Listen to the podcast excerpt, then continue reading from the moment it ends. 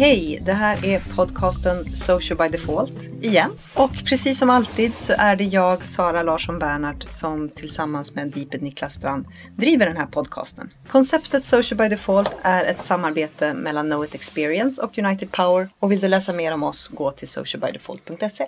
Har ni frågor till oss eller åsikter om det här avsnittet, twittra med hashtaggen socialbydefault eller prata med oss på vår Facebook-sida. Hej Sara! Hej Niklas! Det här är en specialpodcast. Mm, jättekul och jättespännande. Men vi kan ju bara liksom inleda. Vi är i Stockholm. Mm, Jag vi. har, en, har åkt från Göteborg. Vi sitter på JMV igen. Ja. Och vi har fått chansen att läsa Svenskarna och sociala medier. IIS släpper ju varje år en stor rapport där de har ett helt kapitel med svenskarnas användning av sociala medier. Vi har fått möjlighet att titta på de här siffrorna och göra analyser av vad vi ser de här siffrorna visar. Som en del av er kommer då när ni ser den här bloggposten som vi också har skrivit en liten sammanfattning och så finns den här som en mp3. En del av er kommer lyssna på den som en vanlig podcast men den kommer lite senare i veckan. Svenskarna och internet är en undersökning som kommer varje år och eh, en del av det som Sara sa ju är sociala medier. Den brukar släppas vid det här laget. Eh, många av oss väntar intensivt om det har hänt något revolutionerande.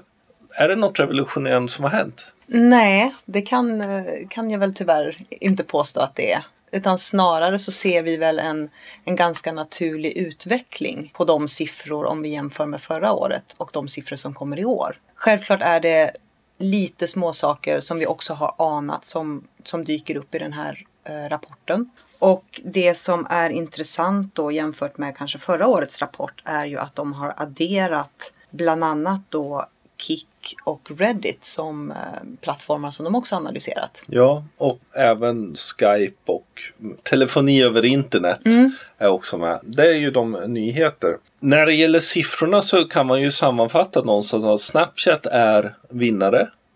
Twitter är förlorare. Alltså verkligen ganska solklart hur det har blivit. Ja, och förra året så var ju Snapchat med för första gången. Och vi ser ju också hur både du och jag pratar mycket mer om Snapchat. Det är fler och fler företag som börjar nosa på Snapchat och användningen av Snapchat har ju ökat. Så det är väl egentligen kanske en ganska naturlig utveckling i de siffror vi ser. Men då motsatta sida då, den stora förloraren Twitter, det är också någonting vi har diskuterat ganska mycket att Twitter har problem och Twitter själva vet om att de har problem och nu märker vi det i siffrorna också. Precis, Twitter är ju den stora diskussionen om Twitter nu är vem som kommer köpa dem.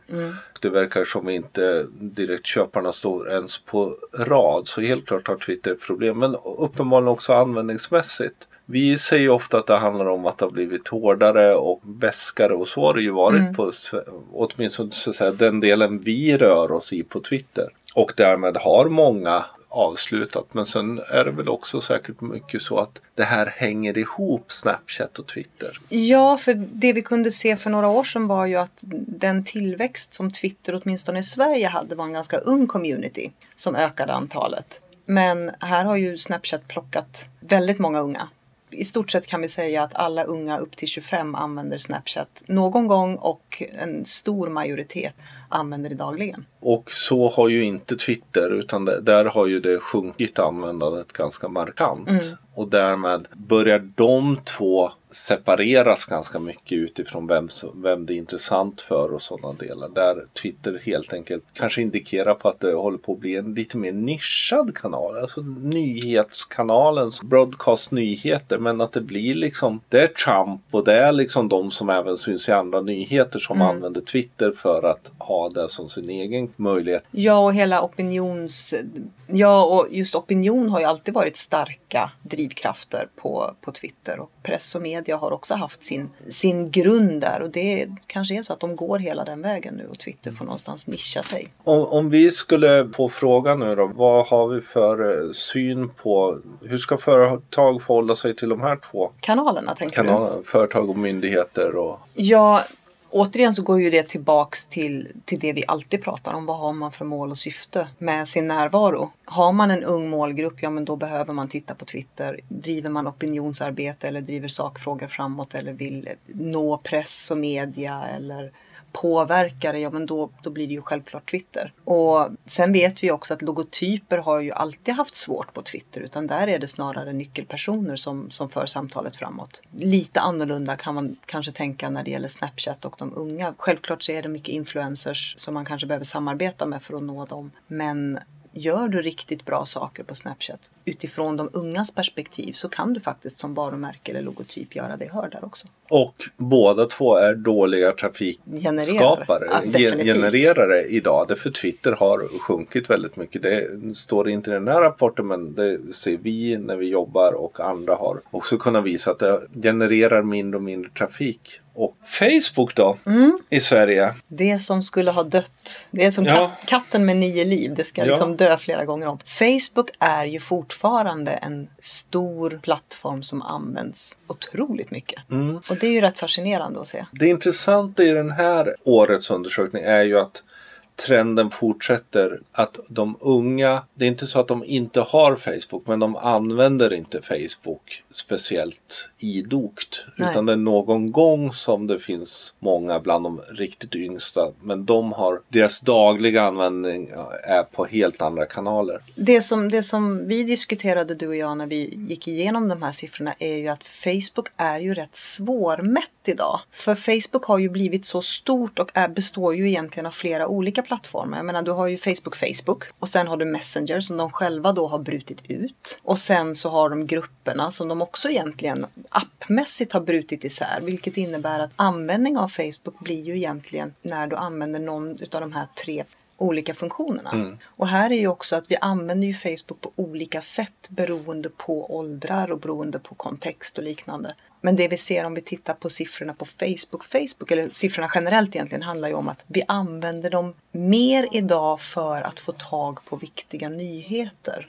Och där har ju de unga fortfarande en stor användning av Facebook där vi då ser de här siffrorna visar att unga använder Facebook för att få nyheter. Mm den viktigare nyhetskanalen än traditionella medier för eh, unga. Och det, det, är en intressant siffra i det. Det är också intressant att se just att upp till till och med 16 är Facebook-användandet väldigt lågt. Mm. Men däremot där dyker det upp någonstans när man börjar gymnasietiden. Därför ofta så är det man bygger upp grupper och liknande saker där ganska många skolor använder Facebook för, för klasser och liknande. Och en del börjar flytta på sig. Och det är ju någonting vi har sagt ganska mycket att jag menar Facebook kanske är när man börjar bli vuxen och ens vänner inte är i sin direkta fysiska närhet på samma sätt alltid. Mm. Och därmed kan Facebook fungera mycket bättre på det sättet. Nu blir det ju också intressant med tanke på att Facebook at Work släpps öppet för alla. Mm. Där skolor och ideella organisationer så kommer få tillgång till det här gratis. Mm. Det innebär ju också att skolorna har ytterligare ett incitament att faktiskt använda det här och då blir det ett naturligt insteg för ungdomar att faktiskt ha sina Facebook-konton och då jobba med det i skolan och då självklart så bygger man ju upp andra nätverk där också. Precis idag så släpps då Facebook at Work som då kommer heta Workplace. Och det är helt klart intressant på väldigt, väldigt många sätt. Så vi lär komma tillbaka till det i någon vanlig podcast gissar jag. För övrigt så känns det liksom, men Facebook är stort mm. helt enkelt. Det, är, det här är ju en undersökning där då personer får fylla i själva så det är ju självskattning. Mm. Vilket gör att ja, de flesta ser nog att det är nog kanske lite mindre siffrorna är lägre än de kanske egentligen är. Därför vi tenderar ofta att skatta att vi gör saker mindre än vi egentligen gör. Men, ja. men det är höga siffror. Så mm. Facebook är vår plattform. För det är vardagen. ju jättesvårt. För skulle jag få siffran hur mycket använder du Facebook i veckan? Jag har ingen aning. Nej. Och det är väl samma sak med Instagram. Vi kan ju ofta tycka, men oj, är de så här låga siffrorna? Men det får man ju ta med i beräkning. Men fortfarande är Instagram stort bland unga tjejer framförallt. Mm jättestort. Och där har vi ju många utav de unga tjejernas influencers. Alltså vi vet ju att väldigt mycket modebloggande har Mm. gått över till Instagram. Man kan följa sina idoler. Det är en hel del nya influencers som har dykt upp också genom Instagram. Så Mm. det är inte konstigt att tjejer egentligen gillar att hänga där. Och här ser vi ju också just bland influencers att de är ju inte så att de hakar på bara en kanal utan de jobbar med väldigt många kanaler. Ett omnikanaltänkande som, som företag man behöver faktiskt titta på och förstå. Därför de kör lite Instagram för där har de en följarskara. De eh, kör lite Snapchat. De har kanske en vlogg. De har en blogg som de också använder och finns överallt. De har en sida på Facebook för att hela tiden bygger ju på någonstans att man, ska, man behöver vara där människor är och där människor väljer att vara. Inte säga äh, men vi tänker bara vara här så du får komma hit. Någonting som, som också är intressant och det knyter ju samman med bland annat då Instagram och Snapchat och så här är ju just användningen av sociala medier i mobilen. För det är ju en otroligt hög användning och det är ju någonting som vi har anat och det är ju kul när man ser det svart på vitt. Och det är ju för att väldigt många utav de här nätverken är ju faktiskt till viss del mobile only. Snapchat är ju den, en kanal där du inte kan använda det på andra plattformar än just, eller andra devices än just mobilen. Vi vet att Facebook-appen används 93% utav de som surfar Facebook idag använder Facebook-appen i mobil. Likaså Instagram är ju fortfarande en väldigt stark mobil, ett mobilt nätverk. Ja, och vi använder mobilen på ett helt annat sätt. Jag menar, det, det är inte så att man sätter sig för att spendera tid på nätet i sin dator. Utan det gör man på sin mobila device. Utan de gånger vi sätter oss vid datorn här, då investerar vi tiden. Då är det någonting som vi ska göra som är nyttigt. Och där kanske till exempel LinkedIn fortfarande delvis är lite Mer- nyttig. Precis. och därmed fortfarande har ganska låga, låga siffror. Därför det, man tar det kanske inte som ett socialt nätverk än. Men det blir ju också om man tittar utifrån ett företagsperspektiv då. Handlar ju mobilen dels om då den lilla skärmen såklart. Att allting ska funka och då pratar vi även rörlig bild och video och så. Men också att tänka att vi använder ju mobilerna när vi hela tiden är på språng. Vilket också gör att det innehåll man skapar för de här kanalerna måste vara mycket mer direkt. Och det är ju intressant att ta med sig. Men om man ser Lin- LinkedIn så har de också gjort lite undersökningar på vilka som använder LinkedIn och att de som är hemma med barn använder det så högt. Det, det var väl det som vi frågande för men gissningsvis så handlar det dels att man kanske har lite tid för att helt säga. Och jag menar är man hemma med barn så har, är det ju kanske så att man också många gånger funderar på vad ska jag göra sen. För här ser vi ju faktiskt en ökning i vissa ålderskategorier. Just 26 till 35 har ökat lite från förra året, daglig användning. Fortfarande ligger det på låga 5% Men här återigen så behöver man titta till att den här undersökningen då baseras på alla internetanvändare i Sverige. Vilket innebär att vissa branscher har ju ett mycket högre användning än än andra branscher och det är därför siffrorna blir så. Det som vi reagerade på var ju att ålderskategorin 36 till 45 år har faktiskt sjunkit daglig användning. Det kan jag tycka är konstigt eftersom där, där är ju den stora arbetskraften. Kan hända att det har att göra med att vi har kommit ur den värsta lågkonjunkturen. Att faktiskt man ser att Eh, det finns fler folk som är i arbete idag och är man i arbete så kanske man inte har en vana vid att använda LinkedIn, åtminstone inte majoriteten som fortfarande ser det som väldigt mycket digitalt CV. Vi vet också att LinkedIn håller på att göra förändringar och tar mer och mer mark. Så det ska bli intressant att se vart de här siffrorna har tagit vägen om, om ett eller två år. Precis, och dels vet vi ju inte vad, vad Microsoft kommer vilja göra med LinkedIn. Och dels så tror jag ju också att många företag, för jag menar LinkedIn är ju också en, kan ju åtminstone vara en väldigt viktig business to business plattform. Den, den kan vara en väldigt viktig employer branding plattform. Men då måste företagen berätta att man, man faktiskt satsar på det. Det, det finns ett, en viktig del i PR att göra för där man jobbar med, med, med innehåll, vad man är. Det, det finns inget självklart att man letar upp ett företag på LinkedIn utan man behöver berätta det i andra kanaler. Att för att verkligen få de bästa innehållet och möta våra experter och liknande, kolla vår LinkedIn-sida.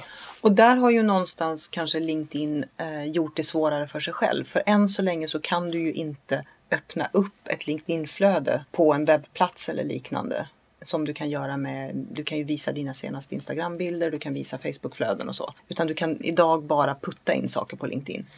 Och ikonerna räcker ju inte längre att man har dem på sin webbplats utan man behöver ju faktiskt förklara vad man har för strategi Mm. för att faktiskt finnas, precis som du sa. Va- Varför ska ni följa oss på LinkedIn? Jo, därför att vi berättar om vårt CSR-arbete eller vår, våra framtidsvisioner och du får träffa våra experter och liknande. Så generellt så behöver företagen bli bättre på att ge oss en anledning till att leta upp dem. Och generellt, för en av de intressanta sakerna som man ändå ser är ju att e-postanvändandet har inte sjunkit trots att vi använder så många Nej. så mycket annat. Och här kan man ju också se att här finns en möjlighet då att använda e-post för att eh, sammanfatta saker och därmed ge länkar till, man, man gör en ingress och sen, sen kan man liksom berätta eh, vidare på LinkedIn och liknande. Så det som är ju det nya är ju att man säger chattandet ligger ungefär lika som förut.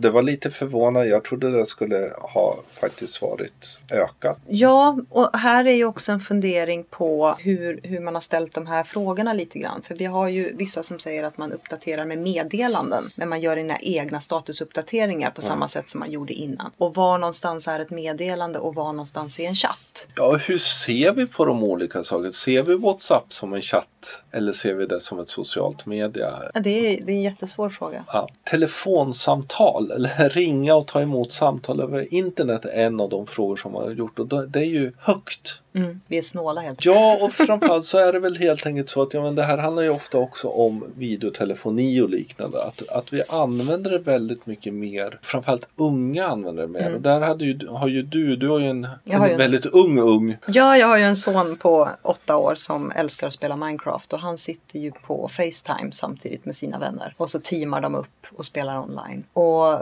det ser vi ju, vi ser ju i de här siffrorna att, att användningen av internetsamtal eller Skype-samtal och liknande ökar ju. Och ett svar på, på det handlar ju helt enkelt om att det är ett väldigt bra sätt att kommunicera samtidigt som man spelar eller gör andra saker. Mm. Just Skype är ju det som väldigt många använder. Ser man i de här siffrorna. Du och jag sitter ju uppkopplade på Skype åtta timmar. Precis. Det är dock bara 4,6 procent som gör det var- varje dag. Så du och jag tillhör väl det. Nu gör vi det inte helgerna. Men det, det var ganska intressant att se att, och bra att man också faktiskt ändå räknar in det i sociala medier. Därför jag tror generellt behöver vi också se att sociala medieuttrycket måste vi antingen bredda eller så får vi de, börja dela upp det ännu mer. Därför jag menar sociala medier är så mycket mer än Facebook. Det är så mycket mer än det vi ibland tänker på. Det är en, de här social networking apparna. Det är också Skype. Därför man kan vara flera. Man pratar gärna flera och så. Så det är en del av den sociala Och sen vardagen. har vi ju de nischade plattformarna som vi också plockar upp nu i våra senaste föreläsningar. Mm. Med eh, Polywar och Fishbrain och Untapped och det här som också någonstans är sociala Mm. plattformar. Så det börjar bli Men om rätt... ett ämne. Precis, det börjar ju bli rätt komplext. Ja, och där är ju den intressanta som du var inne på just att de hade tagit med Reddit som Mm. ju är väldigt generell. Det, det är ju liksom en gammalt forum. Har ni inte varit in på Reddit så gå in och titta för att se det. Det känns som man är tillbaka till någon sorts liksom 99. Men, men väldigt mycket använt av vissa där man då hittar sina subreddits utifrån sina intressen. Och det, det fungerar ju verkligen som här då nischade eh, sociala nätverk. Där vi dock ser väldigt mycket män som använder Och där har vi ju faktiskt en kanal som vi saknar i år igen i den här undersökningen. Youtube. Mm. Där vi också har haft en, en andel mycket män. Vi vet ju att film är ju på uppgående. Mm. Vi vet också att eh, antalet vloggare ökar och att antalet, framförallt unga, självklart återigen, ser mycket på, på, på Youtube. Men att åldersmässigt så ökar det upp i åldrarna. Vi hade någon siffra på att svenska män upp till 45 tittar mer på, på Youtube i månaden än vad de tittar på reguljär TV till Ja, exempel. och det är ju en flera år gammal siffra och det har ju inte, det har är ju inte inte så att vi har förändrats. gått tillbaka till reguljär tv utan det är nog snarare med att vi har en väldigt hög användning av Youtube i alla åldrar och framförallt att många tjejer har ju gått över det eftersom många av deras favoritbloggare har börjat vlogga det, så, så här har vi ju olika nischer och nivåer och där skillnaden är ju att de yngre börjar, har pren, prenumererar på olika kanaler och följer dem som vilken annan tv-kanal som helst. Eh, medan de äldre kanske fortfarande är så att man får en länk eller man kommer dit via sök och därmed tittar på film. Men Youtube inte skulle vara socialt tycker jag inte riktigt. För det, det, finns en social del i att man berättar om kanaler eller man delar länkar. Precis. Och samtidigt kommentaren, kommentarsfälten är oerhört intensiva, framförallt hos vloggare. Mm, definitivt. Med, med, stora diskussioner som inte alltid är trevliga att läsa, självklart, där också. Men, men så på, det är ett socialt media fortfarande, skulle jag vilja påstå. Ja, väldigt mycket så. När vi har pratat tidigare och pratat med företag så har vi ju oftast sagt att man får betrakta Youtube mer som en container. Men det var ju också ett antal år sedan. Nu har ju film dykt upp och blir starkare och starkare och vi behöver förhålla oss till film idag i vår marknadskommunikation väldigt mycket och därmed behöver vi också förändra vårt synsätt på den plattformen. Något som kanske ändå var, var vi har varit inne på det är någonstans så här ändå att då man ser att det är färre som uppdaterar sina statusar. Det är inte sådär så det har sjunkit jättemycket men, men det är ändå liksom man ser en möjlig indikator på att det förändras. Och där har vi ju haft siffror som vi har diskuterat ganska länge just det här med 1,9 att vi är en procent av oss som är contributors, alltså som, som skapar eget material. Det är 9 procent av oss som agerar och reagerar på det materialet och sen så är det den stora massan, 90 procent, som är nyfikna och läser och scrollar och och eh, gör inte så mycket mer. Och det här visar ju att de här beteendena kommer ju smyga sig in på de här plattformarna också. Vi har liksom tappat den här kanske nyhetens behag när vi kunde uppdatera. Vi vet ju att Instagram har haft utmaningen att folk har gått ifrån vardagsbilder till mer professionella genomtänkta bilder, vilket också gjorde att man uppdaterade mer sällan. Mm. Därav stories idag. Och eh, helt enkelt så förändras vårt användningssätt av kanalerna. Och det mm. öppnar ju upp för företagen. Mm, precis, det är, för, det är fortfarande jättemånga som uppdaterar sina stat. 76 procent är, är liksom som uppger det. Men det är en liten nedgång. Det öppnar ju upp för företagen att göra bra innehåll. Mm. Nyttigt, för det är ju inte så att man slutar vara någonstans bara för att man inte uppdaterar utan det är ju mer att man läser, man använder som sitt vardagsflöde. Och man delar. Det är ju en viktig del att folk delar mer än förut. Mm. Sen visar ju de här siffrorna också på att sociala medier idag är en helt självklar del i, i vår vardag. Det är ingenting som man är, gör, liksom man, man tar sig inte tid att göra utan det är någonting som man hela tiden uppdaterar och läser och scrollar in på. Vilket gör att vi behöver hela tiden förhålla oss till det i vår mediamix och helt enkelt sätta budgetar för att faktiskt skapa synlighet där också som kommunikatörer och företag. Och just att vi som användare använder olika sociala medier för olika behov ibland och ibland samma sociala medier för olika behov och det här komplicerar ju självklart oss kommunikatörer då hur vi ska se på innehåll och liknande och därmed blir det återigen viktigt att förstå sin målgrupp. Mm. Vem är det faktiskt man vill nå och vad använder de för kanaler i då det behov behovet som vi vill trigga igång. För det vi kan konstatera är ju att vi spenderar i genomsnitt mer än sju timmar per vecka på sociala medier. Så det är väldigt mycket, men det då är uppdelat, precis som du säger, på fler plattformar idag än tidigare och utifrån olika kontext. Då kan man tycka att sju timmar var inte så speciellt mycket på en vecka. Nej, men vi, vi delar upp det under veckan och det handlar just som du var inne på det här med att man gör det när man har lite tid över. Man, man går in och spenderar lite tid här och, här och var när man öppnar sin Facebook-app. Vilket innebär att tajmingen blir oerhört viktig. Kontinuerligt ofta innehåll som är bättre för att faktiskt vara intressantare. Men den här undersökningen är ju otroligt viktig. Det är jättebra att den görs varje år. För det får också en högre förståelse för hur vi faktiskt använder de här plattformarna och hur viktigt det blir för företag att få de som sitter högre upp i ledning och styrelse att förstå att det här är någonting som vi behöver använda idag i vår marknadskommunikation. Ladda ner den. Det finns länk i show notes och det finns länk i bloggposten och blogg och titta på de här och så tror jag att vi kommer diskutera det här framöver. Det här är ju ändå den undersökning som alla vi som jobbar med det ändå använder som riktmärke. För det är det bästa vi verkligen har. Och vi är jättetacksamma att vi fick möjligheten att kika på siffrorna och faktiskt spela in den här podcasten. Utöver det så glöm inte att prenumerera på vår podcast. Och gillar ni den, ge den betyg och vill ni göra oss glada så recensera gärna. Och som tidigare, tyck till med hashtaggen social by default och vill ni nå oss på Twitter och Instagram så heter Deeped at Deeped överallt och jag heter at sa underscore na underscore si. Tack för oss. Tack!